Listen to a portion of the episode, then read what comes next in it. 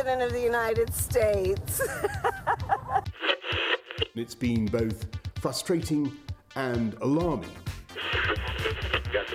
Det har sikkert været frustrerende ikke at kunne være sammen i større grupper. 二零二零年是极不平凡的一年。 Breaking news tonight the deadly siege on Congress as an angry pro Trump mob storms the U.S. Capitol. To compose a country committed to all cultures, colors, characters, and conditions of man.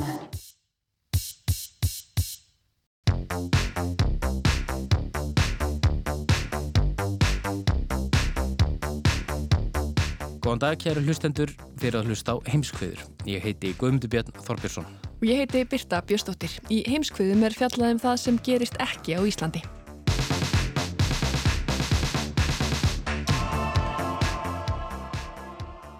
Það likur misbeint við hvað við veljum til umfjöllunar í þessum vikulega þætt okkar. En í þessari viku var valið ekki mjög erfitt eftir stöðugar fréttir frá Palestínu og Ísrael þar sem staðan er sístað batna. Vildum við jú beina kastljósunu þangað. Já og þá eru við svo heppin að vinna með konu sem er sérfræðingur í málefnum með Östurlanda. Hún er góðkunningi þáttarins og ekki sem er að sagt og heitir Ólöf Ragnarstóttir. Í lokþáttar ætlum við svo að fjalla þess um Eurovision og pólitík. Já og heyrum meðal annars ástæðu þess að rúsneski keppandin hefur fengið hótanir frá löndum sínum. En við byrjum á stærsta fréttamáli vikunar utan úr heimi. 十二号到十三号凌晨，巴以冲突仍在持续。 Þetta eru fréttir frá öllum heimshornum um ástandið fyrir botni miðirahafs. Þar geisa nú blóðög átök og á annað hundrað eru látin. Áður en loftárásir hófust breytist út mikil og hávar mótmæli meðal palestínumanna sem Ísraelska lauruglan mætti með hörku. Þau tengjast einu hverfi í Jérúsalem en hvað gerðist eiginlega og hvers vegna? Óluf Ragnarstóttir tekur nú við. Jacob, you know this is not your house. Yes, but if I go, you don't go back. So what's the problem? What are you yelling at me? I didn't do this. I didn't do this. But, but you, it's you, easy to yell at me, but I didn't do this. Yeah, you are helping. stealing my house. And if I don't steal it, someone else is going to steal it. No, no one, no one uh, is allowed to steal it, jammi. Þetta myndskeið sem palestínskur aktivisti Tamer Makalda byrti á samfélagsmiðlum lögadaginn 1. mæ var neistinn sem kvikti bálið. Þar heyru við samtöl Mónu Al-Kurd sem býr í Sektjara við ísraelskan landtökumanna nafni Jakub sem hefur gert sig heimakomin á heimili hennar. Jakob, þú veist að þú átti ekki þetta hús, segir Móna. Hann svarar, já en þótt ég færi þá fengir þú það ekki aftur. Hvert er þá vandamálið? Akkur þetta skamma mig? Ég gerði þetta ekki. You are stealing my house. And if I don't steal it, someone else is going to steal it. She's no, no one, no one uh, is allowed to steal it, ég ammi. Þú ert að ræna á húsinu mínu. En ef ég gerir það ekki, þá stilur þið bara einhver annar, svarar Jakob.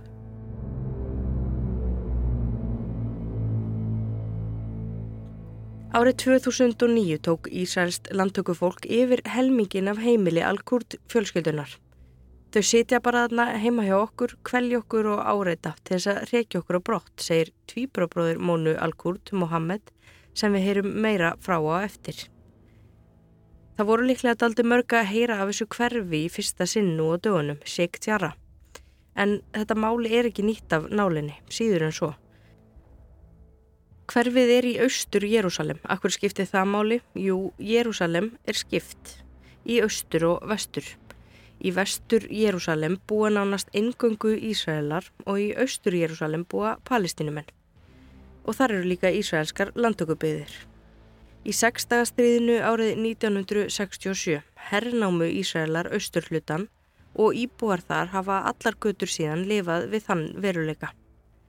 En bökkum aðeins lengra aftur í tíman. Árið 1956 komu 28 palestinskar fjölskyldur þangað sem flótafólk. Þau voru hrækin frá heimilum sínum þegar Ísælsríki var stopnað 1948 á samt hundruðum þúsunda samlanda sena. Þegar þessar fjölskyldur komu til austur Jérúsalem hafði Jordania yfiráð á því svæði. Ákveði var að byggja hús fyrir þessar fjölskyldur sem í staðinn afsöluði sér stöðu flótafólks og áttu þeirra eignast húsin eftir þrjú ár sangat samningi við flóttamannastofnun saminuð þjóðana og jordönsk stjórnvöld. Það gekk hins vegar ekki eftir, allavega ekki áður en jordanir mistu yfiráðun í hendur Ísælshers. Fyrir tæpum 50 árum, árið 1972, höfðuðu hinn ímsu samtök Ísælskra gýðinga og landtökufólks dómsmál á þeim fórsendum að landið hefði eitt sinn verið í eigu gýðinga. Ísælskir domstólar hafa úrskurðað þeim í vil og í mars staðfesti domstóli í Jérúsalem skipun um að sex palestinskar fjölskyldur skildu yfirgefa heimilisín og þeirra á meðal er Al-Kurd fjölskyldan. Þessu hefur verið mótmælt síðustu daga og vikur. Myndskeiðið sem við hlýttum á í upphafi fór eins og eldur í sinu um netið og mótmælinn urðu hávarari og fleiri. Mohammed Al-Kurd, bróðir Mónu í myndskeiðinu umtalaða, lýsir ástandinu í viðtali við CNN í vikunni. To start, it's not really an eviction. It's forced ethnic dis displacement, to be accurate, because an eviction implies legal authority. While the Israeli occupation has no legitimate jurisdiction over the eastern parts of occupied Jerusalem under international law, it also implies the presence of a landlord, and certainly these Israeli settlers have not built our homes, they're not our landlords, they don't own our land. Hann vill ekki nota orðið útburður. Það fylgir sér heimild fyrir þessu í lögum en Ísrael hafi ekki samkvæmt alþjóðalögum lögsögu í austur Jérúsalem sem er hernumið svæði. Mohammed segir að það gefur líka í skín að þau séu leyendur og landtökufólkið raunverulegir eigundur. Nær væri að tala um að þau séu neitt á vergang á grundvelli uppruna. Á sunnudag frestaði hæstiréttur Ísraels réttarhöldum um málið. Það var ástandið orðið afar eldfimt í borginni og laurugla hafi sært hundruð palestinumanna í mótmálum. Alls eiga 38 palestinskar fjölskyldur nú að hættu að hljóta þessi örlög, að vera hend út af heimilum sínum með dómsúrskurði. Mohammed segir að ísælsku dómstólanir taki plögg landtökufólksins góð og gild án þess að kannaðu nánar en líti genusni á þeirra skjöl. The Israeli courts, the Israeli occupation courts take their documents without verification, without authentication or challenge whereas our documents will not be looked at. It's not an eviction. According to the UN and countless politicians and human rights organizations, it could amount to war crimes. Actually, the situation is pretty tense, I can, I can tell you, and we're very scared of losing our homes to Israeli settler organizations. Þetta er ekki útburður, endur tekur Mohammed. Hann bendir á að fjöldin allur af stjórnmálafólki og mannrettindasamtökum ásamt saminuð þjóðunum hafi sagt að aðgerðirnar gætu hugsanlega talist til stríðskleipa. Mohamed segir að ástandið sé spennuþrungið og þau hræðist mjög að missa húsin sín í hendur landtökufólks. Árið 2013 kom út stuttmynd sem heitir My Neighborhood eða Hverfið mitt. Þar var Mohamed í aðalutverki, þá 11 ára. Abúi benið í þetta bit og aðgjál aðil Ísraíli sekkar og og kif innu ehna maður næst að næst fyrir að það er að bæla rúksa. Pappi byggði þetta hús og kom ísraelsku dómari og lokaði því, segir 11 ára Mohammed. Í þessari stuttu heimildamind er fjallað um það þegar landtökufólk tók yfir hluta af heimilið þeirra. Rættir við ömmu Mohammed sem þá hafi búið í húsinu sínu 54 ár óáreitt og landtökufólkið sem segist eiga landið.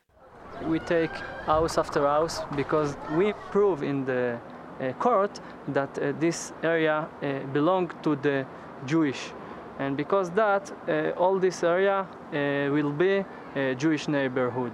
Við tökum húsin eitt af öðru vegna þess að við höfum sannað fyrir domstólum að þetta landsvæði tilheri gýðingum, segir Jónatan Jósef, talsmaður landtökufólks í Sheikh Tjara. Hann segir að allt svæðið verði gýðingakverfi eitt daginn. Our uh, dream that all East Jerusalem will be like West Jerusalem, Jewish capital of Israel, we are not finished the job. We are, we are going to the next neighborhood and after that we will go more. Þeirra draumur er að taka yfir austur Jérúsalem að sögn Jónatans Jósef. Hann segir verkinu ekki lokið þau stefna á að snúa sér að öðrum hverfum eftir þetta. Það er sérst ekkert launungamál að það er stefnan að taka yfir palestinsk landsvæði. אני רואה בזה המשך של המפעל היהודי-ציוני, המשך שיבת ציון, זה הכל. זה בא על חשבון הערבים? כן, גם בג"ץ והכנסת בנויים על חשבון ערבים, וגם המדינה כאן הוקמה, כן, על חשבון חלק מהתושבים הערבים שגרו פה. וזהו.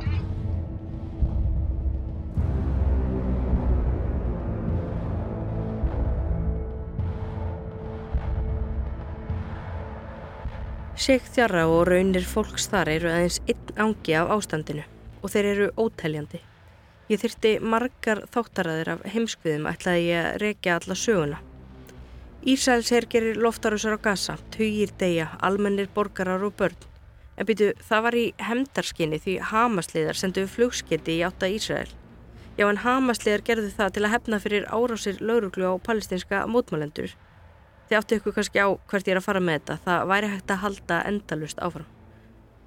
Íðurlega er það orðuræða Ísraelska stjórnvalda í Ísrael sé að verjast. Verjast árásum frá nágrannaríkjum í gegnum tíðina og verjast árásum frá Palestínu We want to see a situation where Israeli civilians don't have to live in fear of an incoming rocket sent by Gaza. Uh, we've had now three nights in a row where the sirens have been going off in major population centers in Israel where people have been running to the bomb shelters, my family included.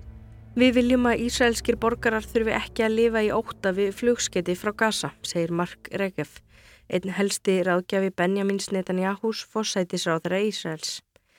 Þegar viðtalið var tekið lýsir hann því að þrjár nætur og undan hafi viðvörunaflautur hljómað í stórum ísraelskum borgum og fólk hafi þurft að hlaupa af stað og leita skjóls í loftvarnabyrgjum.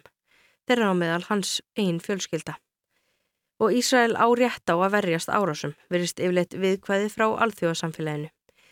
Heyrum aftur í Mohammed Al-Kurt. What we're facing in Sheikh Jarrah in Jerusalem and the Gaza Strip in Lid um, is colonial violence and it's only allowed because both the state and the settlers know they have impunity. Hann segir að það sem palestinumenn þurfi að þóla sé ofbeldi nýlendu veldis.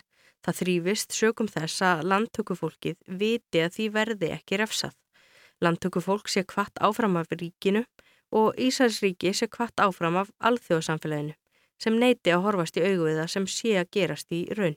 The settlers are emboldened by an apartheid state that allows them to open carry in Palestinian neighborhoods and the state is, an embold is emboldened by an international community that refuses to call it out for what it is, that allows it to target, to intentionally target civilian neighborhoods on the Gaza Strip and massacre 24 Palestinians including nine children, without facing any consequences. Alþjóðsamfélagi leifi Ísæls heyr að gera íbúðakverfi af skotmörkum, myrða palestínumenn og palestínsk börn án nokkura afleðinga, segir Mohammed. Obviously I would like the international community to hold Israel accountable under international law, but I also hope free people of the world do their part to push their governments. Hann segist vilja að alþjóðasamfélagi drægi Ísrael til ábyrðar, samkvæmt alþjóðalögum, og vonar að fólk víða um heim leggji sitt af mörgum og þrýsti á stjórnvöldi í sínu landi. Lífið frjáls Palestína!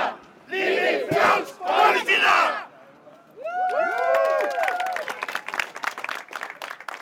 Það gerðu um 50 manns á Östurvelli í vikunni. Þá var bóða til samstöðufundar og ég rætti við fólk og spurði hver skilabóðin væru. So we are gathering here today to, um, uh, to give like a message to the Icelandic people, which we really consider them as our people in Iceland, that there is like a genocide in Gaza Strip uh, or in general in Palestine, West Bank, Gaza and Jerusalem. Anis Mansour er frá Gaza. Hann segist vilja vekja aðtikli á þjóðarmorði á palestínumunum. Hann vill að stjórnvöld hér á landi breyðist við til dæmis með því að sniðganga Ísrael. So they have to take like an action by boycotting Israel, for example, or they have to do something. Said er frá Afganistan. Hann segir að saminuð þjóðunar hafi algjörlega brúðist. Það sé ekki nóg að segjast hafa áhyggjur. Of course that's not good enough. You are United Nations. You have so many treaties that you have signed. You have rules and regulations the people to follow, the nations to follow. If not, then what are, what are you guys for there? Að sjálfsögðu er ekki nóg að hafa bara áhyggjur, segir hann. Þið eru saminuð þjóðanir og með alla ykkar sáttmála og reglur. Hann spyr til hvers stopnunin sé eiginlega ef ekki til þess að breðast við ástandi eins og þessu. Mattias Tryggvi Haraldsson söngvari Hatara sem olli talsverðu fjadrafóki þegar hann lift upp fána Palestínu í beitni útsendingu í Eurovision sem var haldinn í Ísrael. Ég mætti hérna í dag til að sína samstöðu með mannvittinda baráttu Eh, palestínumanna og minna stjórnveld á að þau geta og ættu að beita sér, beita þrýstingi í, í þeirra baráttu og lifi frjáls Palestína. Það er okkar skilabóð í dag. Svo er það sýstunar Nasima Kristín Tamimi og Nadia Tamimi. Við erum bara hér til að sína okkar samlöndum uh, stuðning og við viljum að Ísland slíti viðskiptum við Ísrael bara fyrir fullt og allt og setja þrýsting á að hætta að, að, að kúa palestinmenn. Mér finnst bara heiminn þurfa að vakna og sína samstöðu og fara að gera eitthvað í þessum málum. Þegar heiminn horfir á menn að vera að slátra palestinmönnum og það er bara, mér finnst ekkert vera gert. Þannig að þetta er að minnsta sem við getum gert er að mæta hingað. En já, ég vildi við getum gert meira. En nú þurfum við að stjórnveld að taka við, að gera eitthvað. Klukkan eitt í dag hefst svo annar mótmálafundur á Östurvelli. Fjöldi þjóðarleittóga og saminuð þjóðnir lýsa áhyggjum af ástandinu og hvetja til stillingar. Oftast báða eða alla aðila. Vissulega eru þarna tvær þjóðir, Ísrael og Palestína, en er villandi að láta sem það séu tveir jafningjar að deila. Saminuð þjóðnar hafa frá árinu 2008 haldið skrá um hversu mörg hafa sæst og látist. Samkvæmt þeim hafa yfir 6.000 palestinumenn látist og hátt í 120.000 sæst. Næri 260 Ísraelsmenn hafa látið lífið og tæplega 5.700 sæst. Við skulum grípa niður í viðtal Dagnjar Huldu Erlendstóttur við Magnús Þorkel Bernhardsson, professor í miðausturlandafræðum. Það er maður að skoða sko valda jafnvægi milli sko Ísraelsegers og það sem gas er til undir höndunum, það, það var ekki hægt að bera þetta saman. Magnús segir að þessar nýjastu vendingar í áratugalangri deilu, átökum eða hvað við viljum kalla ástandið, séu gömulsaga og ný. Við höfum séð þetta mörgum sunnum í gegnum tíðina það sem svona svona, svona aðstæð geta sett enn frekari volju á eldin. Það sem kannski er munurinn núna með oft áður er að núna höfum við sko hver einasti maður er með sko farsíma er með myndavel í vasunum og núna sjáum við bara fleiri myndir og fleiri sjónarhóll sem ekki séð áður og það gerir sko frásögnina miklu uh, svona merkilegri og við sjáum líka meira frá sjónahóli palestinumannsins, þeir sem eru sko, þólendur þessa ofeldis miklu meira heldur en oft áður og það, það gerir sko, stöðuna svolítið aðtiklisverðari og gera, kannski, gera okkur kannski betur stakk búin þess að meta í raun og veru hvernig ástandið er. Frettaskýrjundur hafa veltið upp að nú hafi verið stjórnarkreppa í Ísrael í langan tíma og fossætisráðferðan Netanyahu sé því kannski herskári núna hann, alltaf, hann hefur alltaf verið herskár og, og sérstaklega innanlands. Veist, við erum að gera greinamun á, á orræðu og, og stefnu og það sem gerist á jörðiniri og uh, það er oft gott að tala um bæði og og frið og, og við erum alls saman en stefnan á jörðiniri er annarkvort eða. Og uh, þennig, þennig ég myndi segja stefnan hans núna er ekki endilega herskári heldur en hún var 2006 eða 2014 þetta er bara svipað og oft áður, við höfum bara öðruvísi myndir og, og þess og það. Magnús segir að innan Ísrael sé nú háð heilmikil baróta um framtíð landsins. Þa, það er heilmikil baróta um, um hver sé framtíð Ísrael, meðal Ísraela og uh, hinga til sko höfum við litið svo á að Ísrael er það sem er kannski svona ímynd eða að þessi latti léttandi listamæður í Tel Aviv sé Ísrael. En núna erum við líka að sjá að það eru sko fleiri sem eru komni núna í Ísrael og hvar fólksfjölgunin er. Þungamiðjan í Ísraelskum stjórnmálum sé ekki lengur hjá frjálslindu öflunum í Tel Aviv. Og það er núna hérna í Ísrael og við sáum þá sem voru hoppandi við, við grátmúrin og voru heimta sko harðari aðgerðum gegn palestinumönum. Það er núna komið nýtt Ísrael og þess vegna þarf alþjóðlega samfélag að spyrja Ísraela hvers konar ríki eru þið hva, hva, hver er, hver, hver er sko framtíð ykkar, hvernig ætla þið að, að gera upp ykkar eigin sögu, hvernig ætla þið að, við hvers konar samskipti ætla þið að hafa við þína ykkar nákvæmna og, og þetta er það sem Ísraelar verða að svara og, og svara fyrir sig. Þeir hafa öll völdin í þessu, þeir geta algjörlega breytt stöðinni ef þeir kæra sig um. Palestínumenn, það er mjög lítið sem palestínumenn getur gert núna eins og staðin er núna.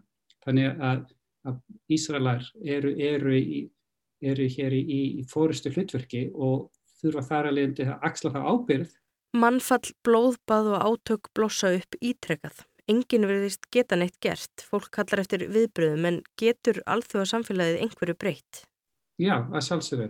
Að sjálfsögðu geta gert það bæða á vettverki saminu í þjóðuna og líka það sem verður að tala um á tvinganir á, á Ísrael og, og beita sko, ef þeir vilja vera teknir sem inn í, í allþjóða samfélagi sem, sem venjulegt ríki að þá eða að, að breyðast við og, og koma fram við sína nokkurna eins og við, við gerum á fyrir að, að allir ætti að gera.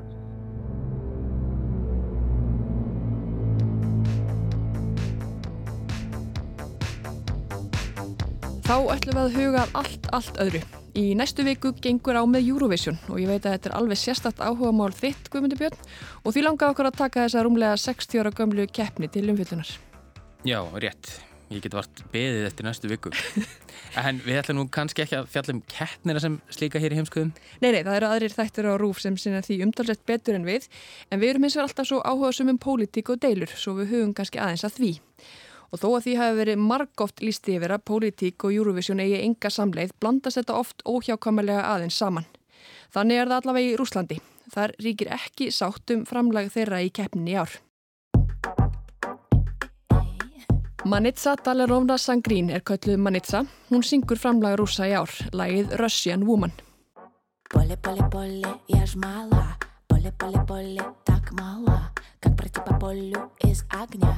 Как пройти по полю, если ты одна? Þau voru þrjú lögin sem komu til greina í rúsnesku undankeppninni en hún stóð uppi sem sigurvegari, svona eins og daði hérna fyrir tveimur árum.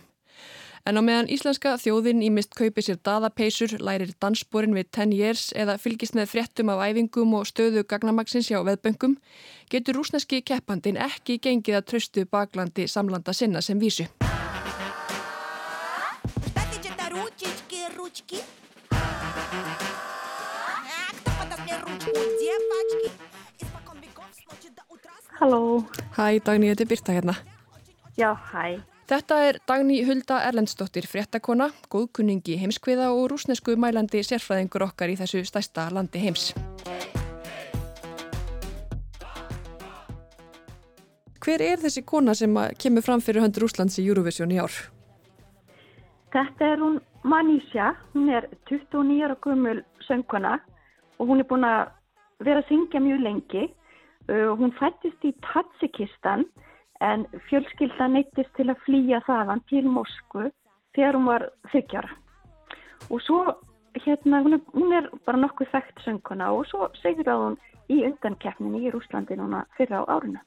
Og hún er, svona, hún er mikið baráttu kona Hún berst gegn heimilisofbeldi, hún berst fyrir réttindum hinsegin fólks, berst fyrir réttindum flóttafólks og í fyrra þá var hún valin góðgjörð að senda þetta flóttamannastofnunar saminuð þjóðana í Rúslandi í emitt eh, málefnum flóttafólks og svo er hún líka rosalega mikið að berðast gegn svona gamaldags hugmyndum um að hvernig konur er að vera, þetta er að hafa hægt um sig, vera fallegar og, og eignast börn. Lægið heitir sem sé Russian Woman, rúsnesk kona. Þetta er lag bara um það það er svona nokkri frasar í læginu sem hún mann í sig að er orðin þreytt á að heyra. Eins til dæmis ef að, ef að kona segir skoðun sína þá er bara sagt jájá er, er sæta eitthvað að setja sig á háan hest? Svo líka er einna eitt frasi hei þú ert orðin þríti og þú ert að eignast neinn börn. Hvað er eiginlega máli með þig? Og svo segir hún líka bara í, í læginu hún er svona leggja áherslu að konu þurfu ekki karla til að ná markmiðin sínum. Það geti þetta bara sjálfar Svo segir hún líka að hérna, hún komi frá brotinni fjölskyldu en að það hafi ekki brotið hana. Þetta er svona kannski áminningum að fjölskyldur getur bara verið alls konar. Og sem fyrir segir ætla ekki allir rússar að poppa og hvetja sína konu áfram í keppninni í næstu viku. Það er, það er alls konar gaggrinni búin að heyrast og þá svona frá íhaldsumum öllum. Það er svolítið talað um að hún sé frá Tatsikistan þannig að hún sé ekki rússi. Svo líka talað um að lægi hennar sé bara lélegt. Þetta sé bara lélegt tónlist. Og, og líka talað um að þetta sé ekki nógu svona rúsnest lag. Já þó það heitir Össur Vóman þá, þá er svona íhaldsum ekki, ekki ána með það og það hefur verið, þetta hefur verið rætt á þinginu, fórseti efriðdelda rúsneska þingsins kalla eftir endurskoðun á því hvernig kostningin hefði farið fram. Og þessi fórseti efriðdeldan er reyndar kona, hún sagði að textin væri bara fárulegur og það var nefnd falið að fara yfir hann, hvort hann fælís einhvers konar kvartningu til hvernig að hata karla og eins hvort að textin væri svona gegn fjölskyldu gildum sem náttúrulega rúsneska ríkið og, og réttruna kirkjan vilja haldi heiðri þess að þá karl, kona og, og barn eða börn. Það eru sem sé mjög skiptar skoðanur um rúsneska keppandan í ár en hún verður allavega með, ólíkt til dæmis Armeníu. Þau ætla ekki að vera með í ár er það nokkuð guðmundur. Nei, Armenar senda engan þáttakanda til leiks í Eurovision í ár en Armenar hafa tekið þátt 13 sinnum. Mættu fyrsti leiks árið 2006 þegar söngvarinn André var fyrsti söngvarinn frá Kaukasus svæðinu til að taka þátt í keppninni. Hann söng lægið Without Your Love.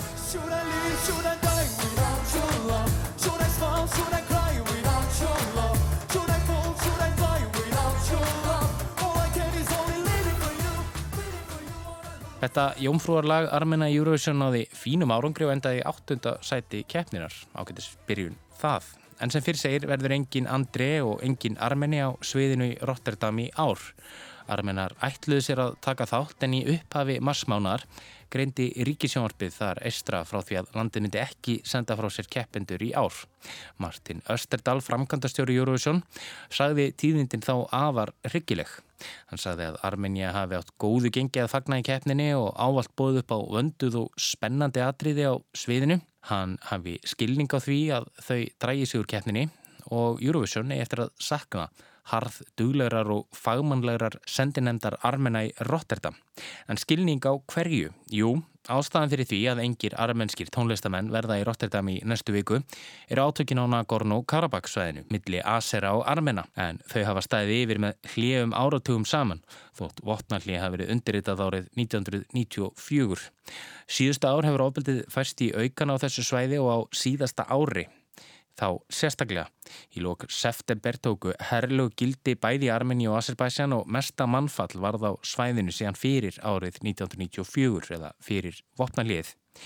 Í november náðu stjórnvöld ríkjana tveggjað semja um vopnalið en þá hafðu tæplega 3000 aserskir herrmenn látið lífið og tæplega 4000 armenskir.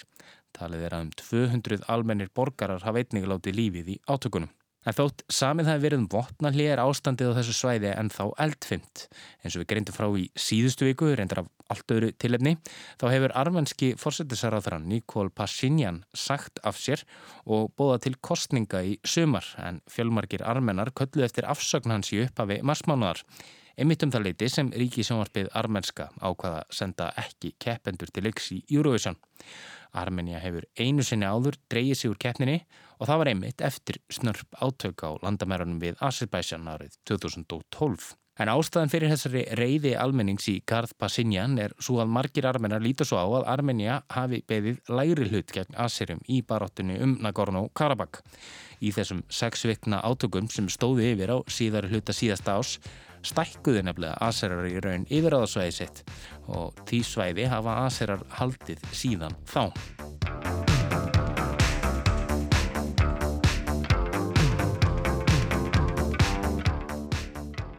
Það að senda keppendur ekki til leiks í Eurovision er kannski smámáli samanbyrði við starri myndina en oft varpar jú menning, listir og íþróttir ljósi á starra samhengi hlutana.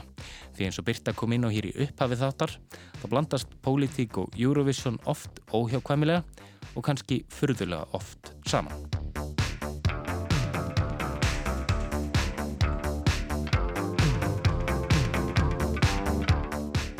Heimskuður verða ekki fleiri þessa vikuna.